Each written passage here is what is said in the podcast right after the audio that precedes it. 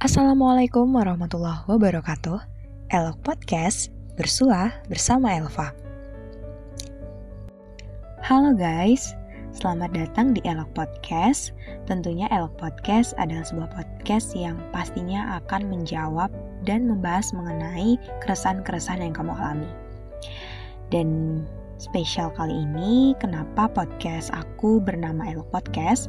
Karena aku harap podcast aku ini dapat dikenal dan dapat mudah diingat oleh teman-teman semua. Sebelumnya terima kasih banyak atas semua antusias dari teman-teman dan sesuai dengan judul kita kali ini di episode ke-11 aku akan bahas tentang KLC. Nah, mungkin sebelumnya aku pengen ngomong dulu sih kayak lebih ke pernah nggak sih kalian merasakan yang namanya keresahan? Tentunya setiap orang pasti pernah dong ngerasain yang namanya keresahan. Aku sendiri pun ya tentunya sering banget ngalamin yang namanya resah banget dengan hidup ini. Dan di usia kita yang menginjak 20 tahunan, itu paling banyak ditemuin bahwasanya kita tuh lebih mudah stres karena kita resah lihat kehidupan orang kok kayaknya enak banget gitu kan ya. Terus orang udah pada sukses, bisnisnya berjalan dengan lancar, udah kaya raya, tajir melintir ya kan. Terus ada juga yang udah pada bahagia, punya pasangan gitu, punya jodoh gitu kan ya. Dan itu wajar-wajar aja sih. Nah, kalau misalkan kalian ngerasain kayak, ih kok bisa ya orang kayak gitu, aku kapan ya? Itu namanya keresahan dong tentunya dan itu masuk di dalam fase di mana kita itu merasa bahwasanya kita tuh udah berada di quarter life crisis. Dan sebelumnya aku pengen singgung dulu sih, quarter life crisis atau KLC ini adalah salah satu uh, kecemasan, kegalauan, kebimbangan yang tentunya ini tuh menyangkut banget tentang masa depan dan ini paling sering terjadi di usia 20 sampai dengan 30-an tahun dan ini wajar banget sih. Jadi kalau misalkan teman-teman berada di dalam posisi ini ya ini ya hal yang wajar. Dan tentunya ini tuh meskipun dalam jangka pendeknya ini memberikan dampak negatif, tapi dalam jangka panjang ini tuh bisa memberikan pengaruh yang positif juga.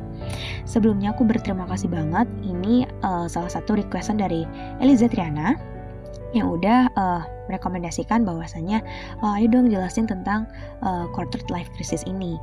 Ini pembahasan yang menarik sih. Sebelumnya aku juga pernah ngalamin yang kayak gini dan bahkan sering banget. Dan kalau misal pun aku memberikan sebuah uh, gambaran, ide dan juga gagasan yang aku alamin ini mungkin sebagai bahan referensi atau sharing aja untuk ke teman-teman semuanya.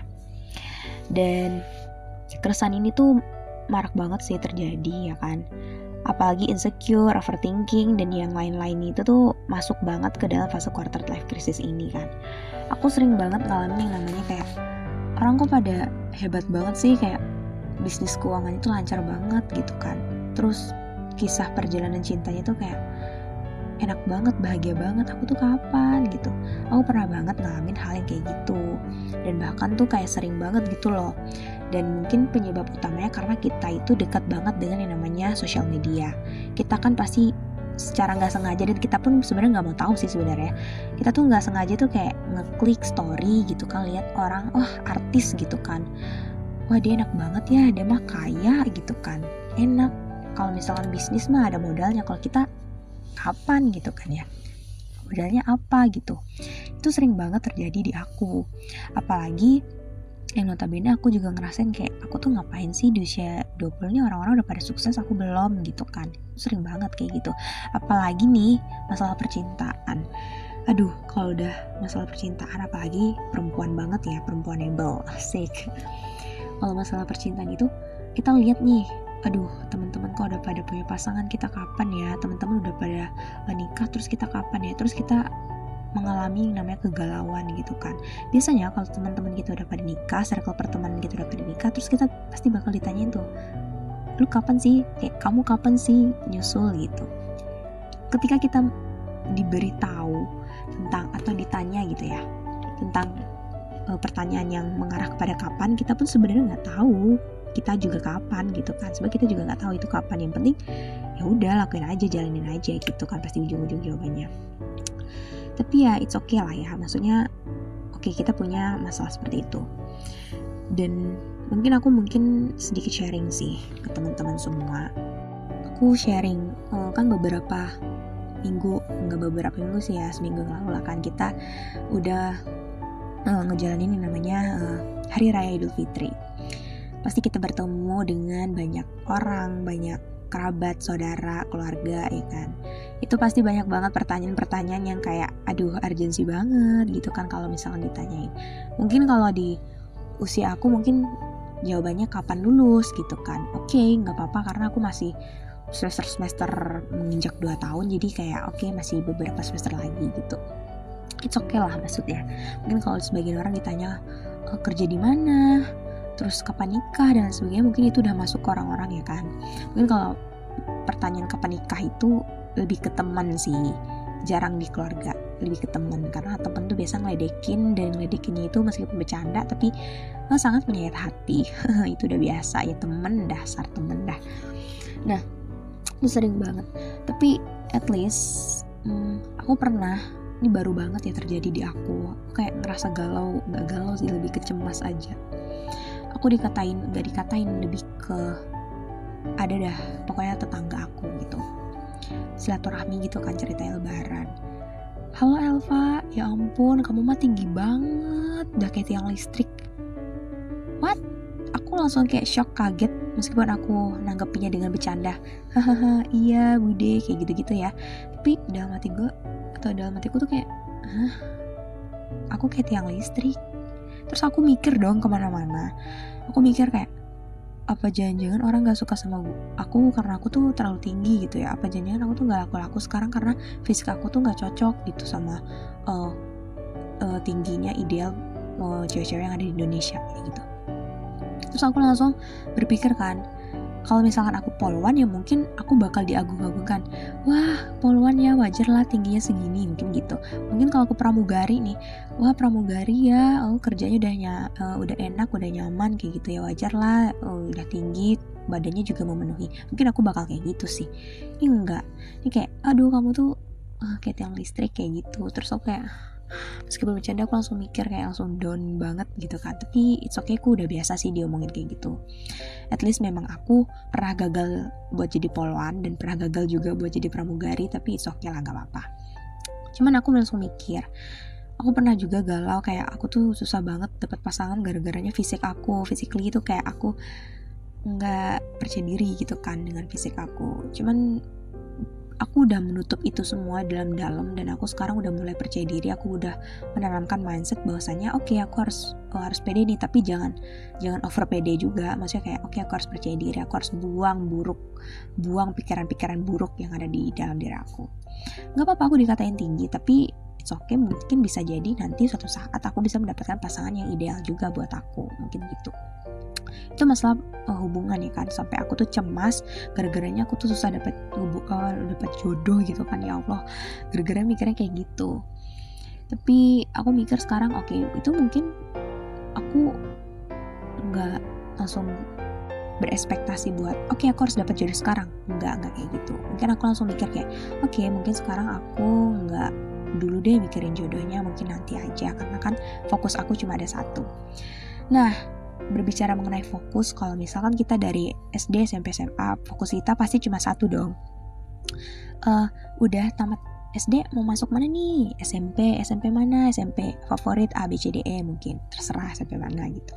Uh, setelah lulus SMP, fokus kita, oke okay, nanti mau masuk SMA mana ya? Gitu, SMK atau langsung uh, masuk akademi kayak gitu-gitu kan. Nggak biasa kan ada kayak tarun taruna gitu kan akademi taruna gitu. Atau mungkin SMA biasa gitu kan oke itu fokus kita. Terus fokus setelah tempat SMA kita ada fokus lagi nih mau lanjut kuliah apa kerja? Atau mungkin ada fokus lain itu nikah. Mungkin itu sih cuman kalau bagi kita yang masih uh, eh, SMA itu udah agak mengalami problematika dan urgensi juga sih problematika dan juga urgensi gitu kan itu pasti kok semua orang pasti ngalamin dan setelah itu kita masuklah di fase yang namanya itu pendewasaan dan itu masuk banget ke namanya uh, quarter life crisis Kelsey ini. Sebenarnya Kelsey ini tuh mengancam kesehatan kita nggak sih? Ya jelas mengancam lah ya orang kita aja stres mikirin kan ya kan mikirin masa depan lagi nih mana masa depan tuh masih abu-abu gitu kan tapi nggak apa-apa setiap hidup kan pasti punya yang namanya obstacle punya tantangan tersendiri dan kita pun harus menghadapinya. Itulah adalah uh, itu adalah salah satu langkah bagaimana kita menuju fase kedewasaan itu apakah kita bijak dalam menghadapi itu semua? Nah itulah yang menjadi tantangan kita ke depannya. Tapi kalau menurut aku penting gak sih kita buat merasa cemas? Itu penting. Kalau kita nggak cemas berarti kita nggak punya pikiran dong berarti kalau kita nggak punya pikiran berarti kita nggak punya angan-angan. Kalau kita punya angan-angan kita punya kecemasan berarti kita kan punya sesuatu yang ingin kita capai punya target apa sih ke depannya? Itu bagus banget sih. Tapi dari semua kecemasan-kecemasan itu sebenarnya nggak perlu kita ambil pusing terlalu dalam. Kayak ya Allah aku kapan ya? Aku kapan suksesnya? Gitu. Nggak usah terlalu dalam buat memikirkan hal itu. Menurut aku, hal yang paling tepat ya kita harus punya effort, punya usaha. Apa sih yang ingin kita capai? Kalau kita pengen keluar dari zona yang namanya quarter life crisis ini, kita harus punya goals dulu. Karena aku udah bilang, pikiran negatif, pikiran negatif itu pasti akan mengancam kesehatan mental dan jiwa kita. Itu dari sisi negatif. Tapi, uh, seperti yang aku singgung di awal, uh, quarter life crisis ini tuh punya pengaruh positif bagi kehidupan kita. Jadi kita punya nih yang namanya schedule buat, oke okay, ke depannya kita harus ngapain ya. Nggak apa-apa kok kita belum nikah, nggak apa-apa kita belum punya uh, usaha yang segelimang gedenya kayak gitu punya bisnis yang bercabang nggak apa-apa masih di umur 20 kita masih merintis itu it's okay kan setiap orang punya startnya masing-masing kita nggak bisa mengelakkan start kita sendiri kita nggak bisa kayak uh, berekspektasi atau memenuhi standar orang lain kita nggak bisa. Setiap orang tuh punya startnya masing-masing. Aku selalu percaya itu. Dan untuk menghadapi itu semua kita perlu apa sih? Yang pertama itu kita perlu yang namanya mindset buat kita percaya diri. Kita harus percaya diri dengan diri kita sendiri tentunya. Ya dalam hidup tentu punya masalah dong. Kalau punya banyak cucian itu namanya laundry ya kan? Jadi ya kalau misalnya kita pengen next level, pengen mencapai derajat yang lebih baik, lebih bagus ya kita harus menghadapi namanya tantangan.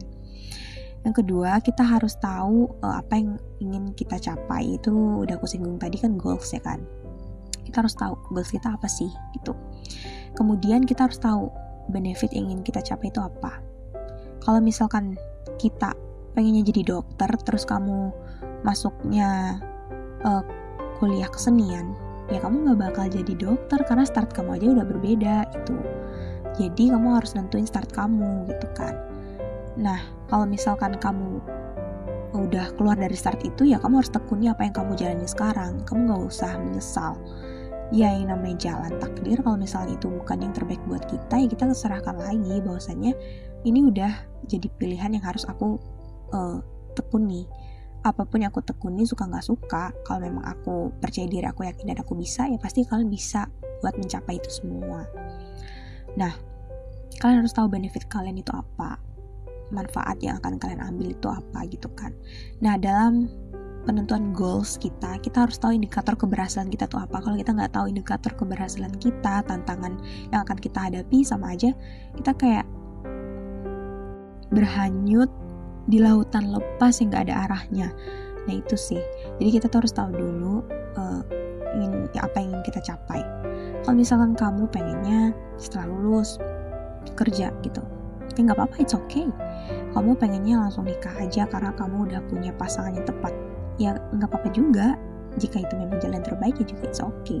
Jadi kita nggak usah mempermasalahkan sesuatu dan kita nggak usah terlalu memikirkan standar orang lain gitu kan. Tiap orang kan beda-beda punya goals dan tujuan yang berbeda-beda. Selanjutnya kamu harus tahu juga nih tentang peluang apa yang ingin kamu capai. Tadi udah ada uh, mindset kan terus uh, benefit terus selanjutnya itu ada peluang gitu kan. Peluang apa sih yang ingin dicapai? Peluang tersebut itu ternyata bisa nggak sih buat kita mencapai goals goals kita? Gitu. Kalau misalkan kita punya peluang tapi kita nggak pengen berusaha untuk mengambil kesempatan itu ya kamu nggak bakal dapat pengalaman dan nggak bisa nggak bisa mencapai goals itu. Jadi manfaatkanlah segala kesempatan itu sebagai pengalaman. Meskipun kamu gagal berkali-kali pun ya nggak apa-apa. Otomatis kalau misalkan kamu gagal sekarang, ya nggak apa-apa. Berarti jatah gagal kamu berkurang satu ya kan. Dan jikalaupun gagal lagi gagal lagi berarti Gak mungkin kok gagal itu akan selamanya menghampiri hidup kalian. Justru dari kegagalan itu akan menghasilkan sebuah pengalaman dan pengalaman itu akan mencapai ke dalam sebuah uh, keberhasilan di masa depan gitu. Jadi kayak it's okay gitu. Apalagi uh, notabene aku yang sering gagal aja kayak oke okay, aku nggak apa-apa aku bisa. Yang penting aku dapat benefitnya apa sih? Ya udah pengalaman pengalaman ini dijadikan bahan referensi untuk aku lebih baik lagi ke depannya gitu kan. Jadi menurut aku ambillah kesempatan sebanyak-banyaknya karena dari kesempatan itulah kita bisa mencapai satu persen dari uh, keberhasilan kita jadi kalau misalnya kita gagal berarti ya udah nggak apa-apa. Meskipun kita hanya bergerak dan kita hanya ber, reformasi satu persen aja gitu kan itu nggak jadi masalah. Yang penting kita udah punya effortnya itu sendiri. Itu sih kalau dari aku. Jadi buat kalian yang masih merasa bahwasanya kalian masih cemas dengan keadaan masa depan ya menurut aku coba deh kalian buat uh, schedule atau buat uh, list apa aja yang ingin kalian capai kalau misalkan kalian punya pemikiran bahwasanya kalian ingin mencapai segala sesuatu, pasti kalian akan punya target dan punya usaha untuk mencapai itu semua. Jadi, jangan berhenti mencoba, jangan berhenti untuk mencoba, dan kalian jangan takut untuk gagal juga. Aku akan yang terbaik, dan pasti apa pun itu akan menjadi hal yang sangat bermanfaat untuk kalian semua. Terima kasih telah bersua bersama Elva. See you in the next podcast.